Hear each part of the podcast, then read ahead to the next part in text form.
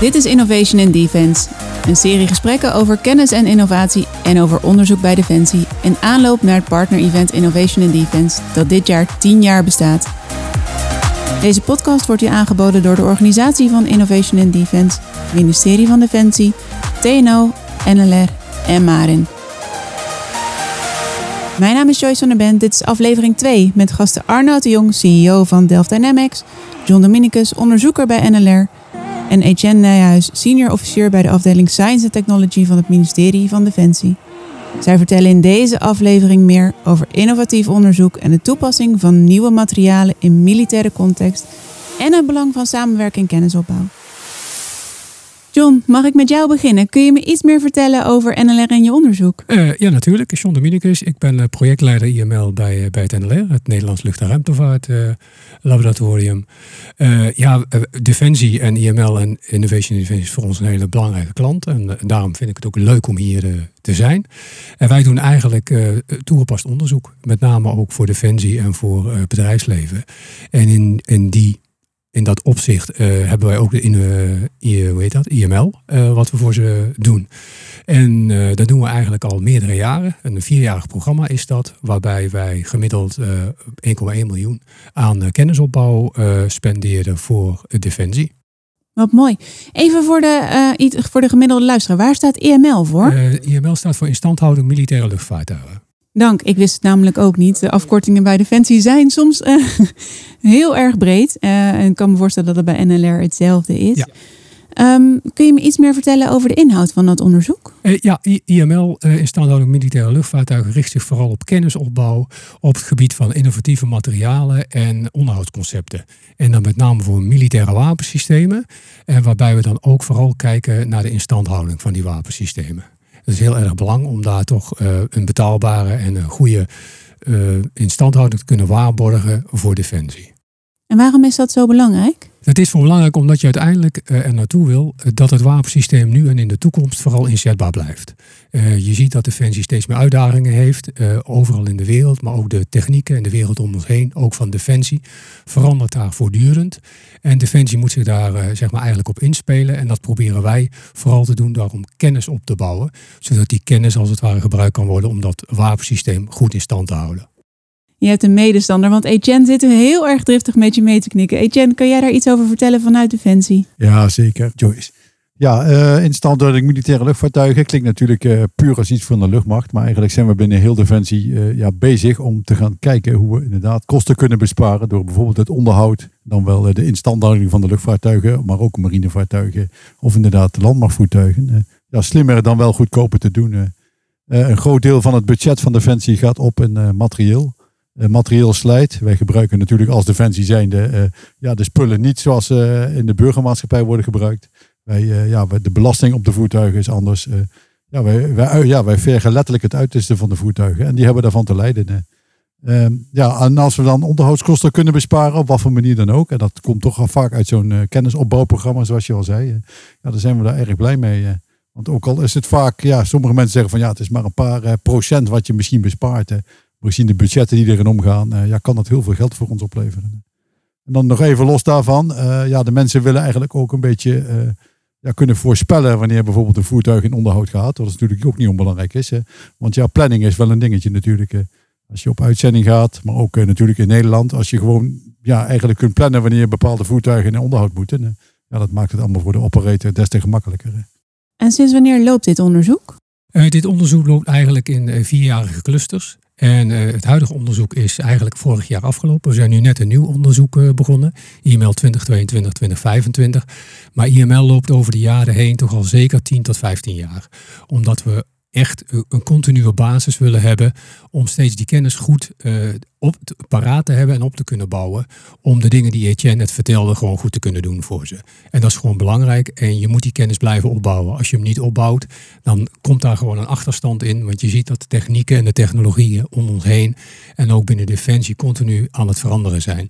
Dus wil jij het nieuwe wapensysteem wat je bijvoorbeeld gaat introduceren. We gaan met de F-35 vliegen. Daar zitten nieuwe materialen in, daar zitten nieuwe concepten in. En wil je daar als defensie goed op kunnen anticiperen en het juiste onderhoud in kunnen doen, dan is het echt van belang dat je dus die kennis daarvoor opbouwt. En daar moet je al vroegtijdig mee beginnen. Dus dat is wat we ook doen, met name in dat IML-programma voor ze, om ze zo goed te kunnen ondersteunen. Wat ontzettend goed. Ehm, als ik het goed begrijp, prikken, we Innovation in Defense dus als moment om ook wat over die kennis te vertellen. Want het is een doorlopend onderzoek. Um, hoe gaan jullie dat doen? Uh, dat doen we eigenlijk heel breed, want het is een heel belangrijk punt. Dus het is goed dat je dat aankaart, want dat zien we eigenlijk ook binnen het programma altijd. Hoe maak je nou eigenlijk binnen die organisatie bekend waar je mee bezig bent? En Innovation in Defense is daar eigenlijk een uitgelezen platform voor. Want daar kun je jezelf etaleren eigenlijk naar de hele defensie toe. Dus het is ook een hele leuke dag waar iedereen eigenlijk van buiten vanuit Defensie naartoe kan komen. En daarbij hebben wij de gelegenheid om ons te presenteren en te laten zien wat voor soort onderzoeken eigenlijk doen. En dat is heel erg van belang. En dat is niet voor vandaag voor die mensen, maar wel over een aantal jaren. Dat ze begrijpen van oké, dit soort onderzoek doen we blijkbaar. Oh, dat wist ik niet. Dat hoor je heel vaak. Ook als wij met de mensen communiceren binnen Defensie. Jo, oh, doet het NLR ook dit soort onderzoek? Ja. En daar is juist die Innovation in Defense Dag zo'n mooi en uitgelezen platform voor. Om eigenlijk jezelf goed voor het voetlicht te kunnen brengen en het soort onderzoek wat je doet. Wat goed dat je dat zegt. Defensie werkt inderdaad samen met, met kennisinstituten, maar ook met enkele bedrijven en start-ups. En daarbij kijk ik meteen even naar Arnoud. Kun je me daar iets meer over vertellen? Want uh, Delft Dynamics werkt samen met Defensie. Zeker. Um, Delft Dynamics is een uh, klein MKB-bedrijf. Ehm, maar we werken eigenlijk al uh, ja, meer dan 16 jaar samen met Defensie. destijds gestart met een aantal ideeën die bij ons zelf vandaan kwamen. later is ook Defensie zelf naar ons toegekomen. Uh, met allerlei vraagstukken op het gebied van drones. Dat is eigenlijk hetgeen waar wij in gespecialiseerd zijn. Uh, wij draaien verschillende technologieprojecten, dus echt pure RD. En dat doen we inderdaad samen met onder andere de kennisinstellingen, maar ook met andere MKB-bedrijven. Dus soms komen we zelf met een idee, wat zou er inderdaad met drones kunnen, of bepaalde toepassingen. Of Defensie inderdaad klopt bij ons aan. Uh, of inderdaad zelfs andere MKB-bedrijven die van ons bestaan weten. Die, uh, ja, die contacten ons om inderdaad gezamenlijk iets uh, op te pakken. Wat gaaf. Nou kan ik me zomaar voorstellen dat als je een bedrijf start in drones, dat je op een moment met Defensie in aanraking kan. Maar wat was voor jou het moment dat je dacht, we gaan echt die samenwerking starten? Ja, we zijn dus in de, uiteindelijk in 2006 echt begonnen als BV. We waren al een aantal jaren bezig na de studie luchtvaart- en ruimtevaarttechniek in Delft. En toen hadden we eigenlijk als eerste opdrachtgever de politie. Dus daar waren we heel blij mee. Maar we moesten nog een jaar lang geheimhouding betrachten. Dus dat was een beetje jammer. Ja. Je wilde het van de daken schreeuwen, maar helaas kon dat niet. Um, toch merkten wij inderdaad ook Defensie begon aan te kloppen bij ons. En wij zeiden, ja, dat mogen we niet vertellen. Maar uiteraard aan de politie gevraagd of we het wel aan Defensie mochten vertellen. En op die manier is het eigenlijk ontstaan. En kregen we al vrij snel, denk ik in 2008, 2009, een eerste uh, opdracht vanuit Defensie. Hoe is dat voor jou vanuit je bedrijf gezien, die samenwerking met Defensie? Ja, we zitten natuurlijk eigenlijk in een hoek dat we nog geen producten op dat moment aan het leveren waren. De eerste opdracht wel, was wel het leveren van een helikopter aan de politie. Maar daarna zijn we vooral dus in die nationale technologieprojecten. Hè, die dus eh, deels eh, gefinancierd worden vanuit de Defensie. Uh, ja, zo zijn we erin gerold en was het een ideale mogelijkheid om inderdaad gewoon met Defensie samen te kijken hoe je inderdaad het beste naar oplossingen kan komen. Hè, wat zijn nou echt de eisen, wensen en uh, ja, wat, waar zit onze kennis? Dus dan van twee kanten uh, probeer je input te leveren. En daarnaast dus die samenwerkende partijen. Hè? Kennisinstellingen met een hoop ervaring. Maar ook andere MKB-bedrijven die uh, hun eigen input leveren. Dus ja, een ideale match in mijn ogen. Wat mooi om te horen. Etienne kaart het onderwerp net al even aan. samenwerking met Defensie vraagt soms ook best veel van je bedrijf. Want er zijn af en toe best specifieke eisen. Hoe heb jij dat ervaren? Ja, misschien even terugkomen op mijn vorige antwoord. Hè. Dus wij zitten in de hoek dat je heel erg in de R&D-hoek zit. Dus uh, tuurlijk krijg je te horen waar het uiteindelijk aan zou moeten voldoen. Maar wij hoeven dan op dat moment geen uh, product te leveren. Dus wij kunnen nog in een hoek zitten dat we zeggen, hè, 80% van de oplossing kunnen we al tonen. Terwijl wij inderdaad ook wel weten dat uh, die laatste 20% enorm veel tijd kost. Daarmee moet je dus inderdaad echt voldoen aan alle eisen. En als we dan, Etienne, vanaf het prototype denken, hoe wordt zo'n onderzoek nou op diverse manieren toegepast? Uh, ja, goed. Vanaf het prototype is het dan uiteindelijk de bedoeling dat, uh, zeker voor zo'n klein MKB-bedrijf, dat een product op de markt komt. Nou goed, nou is dat voor de defensieindustrie altijd wel een hele bijzondere natuurlijk. want we hebben natuurlijk binnen Defensie de beweging die zegt van nou, als het al commercieel vanaf de plank kan, waarom doe je het dan niet?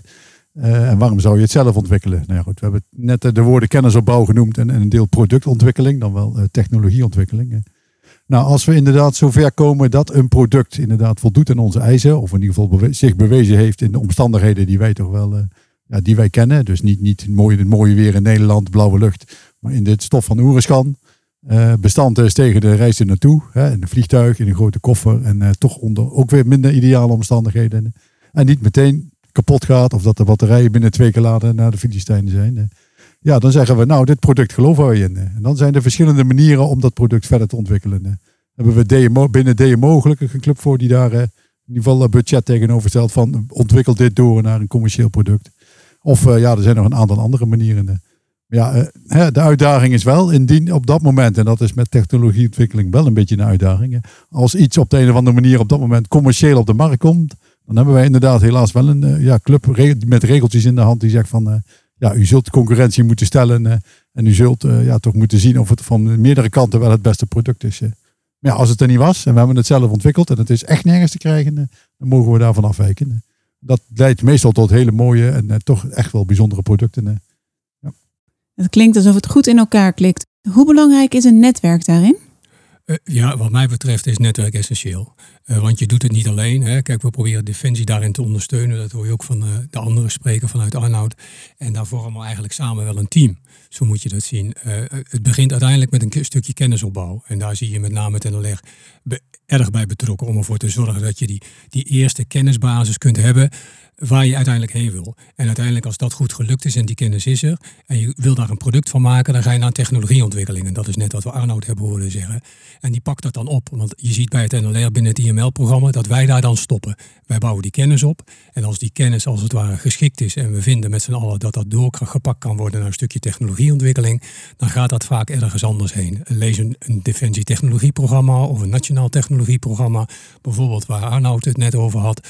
En zo wordt dat dan uiteindelijk verder gebracht om uiteindelijk Etienne en zijn organisatie te helpen. Om ervoor te zorgen dat er uiteindelijk een product komt waar ze ook wat aan hebben. En wat overal in de wereld uh, als het ware ingezet kan worden. Dus en ja, daar is het essentieel voor om met elkaar te praten. Want wij binnen het NLR hebben behoefte om te weten wat is die kennisbehoefte dan uiteindelijk die er ontstaat binnen Defensie.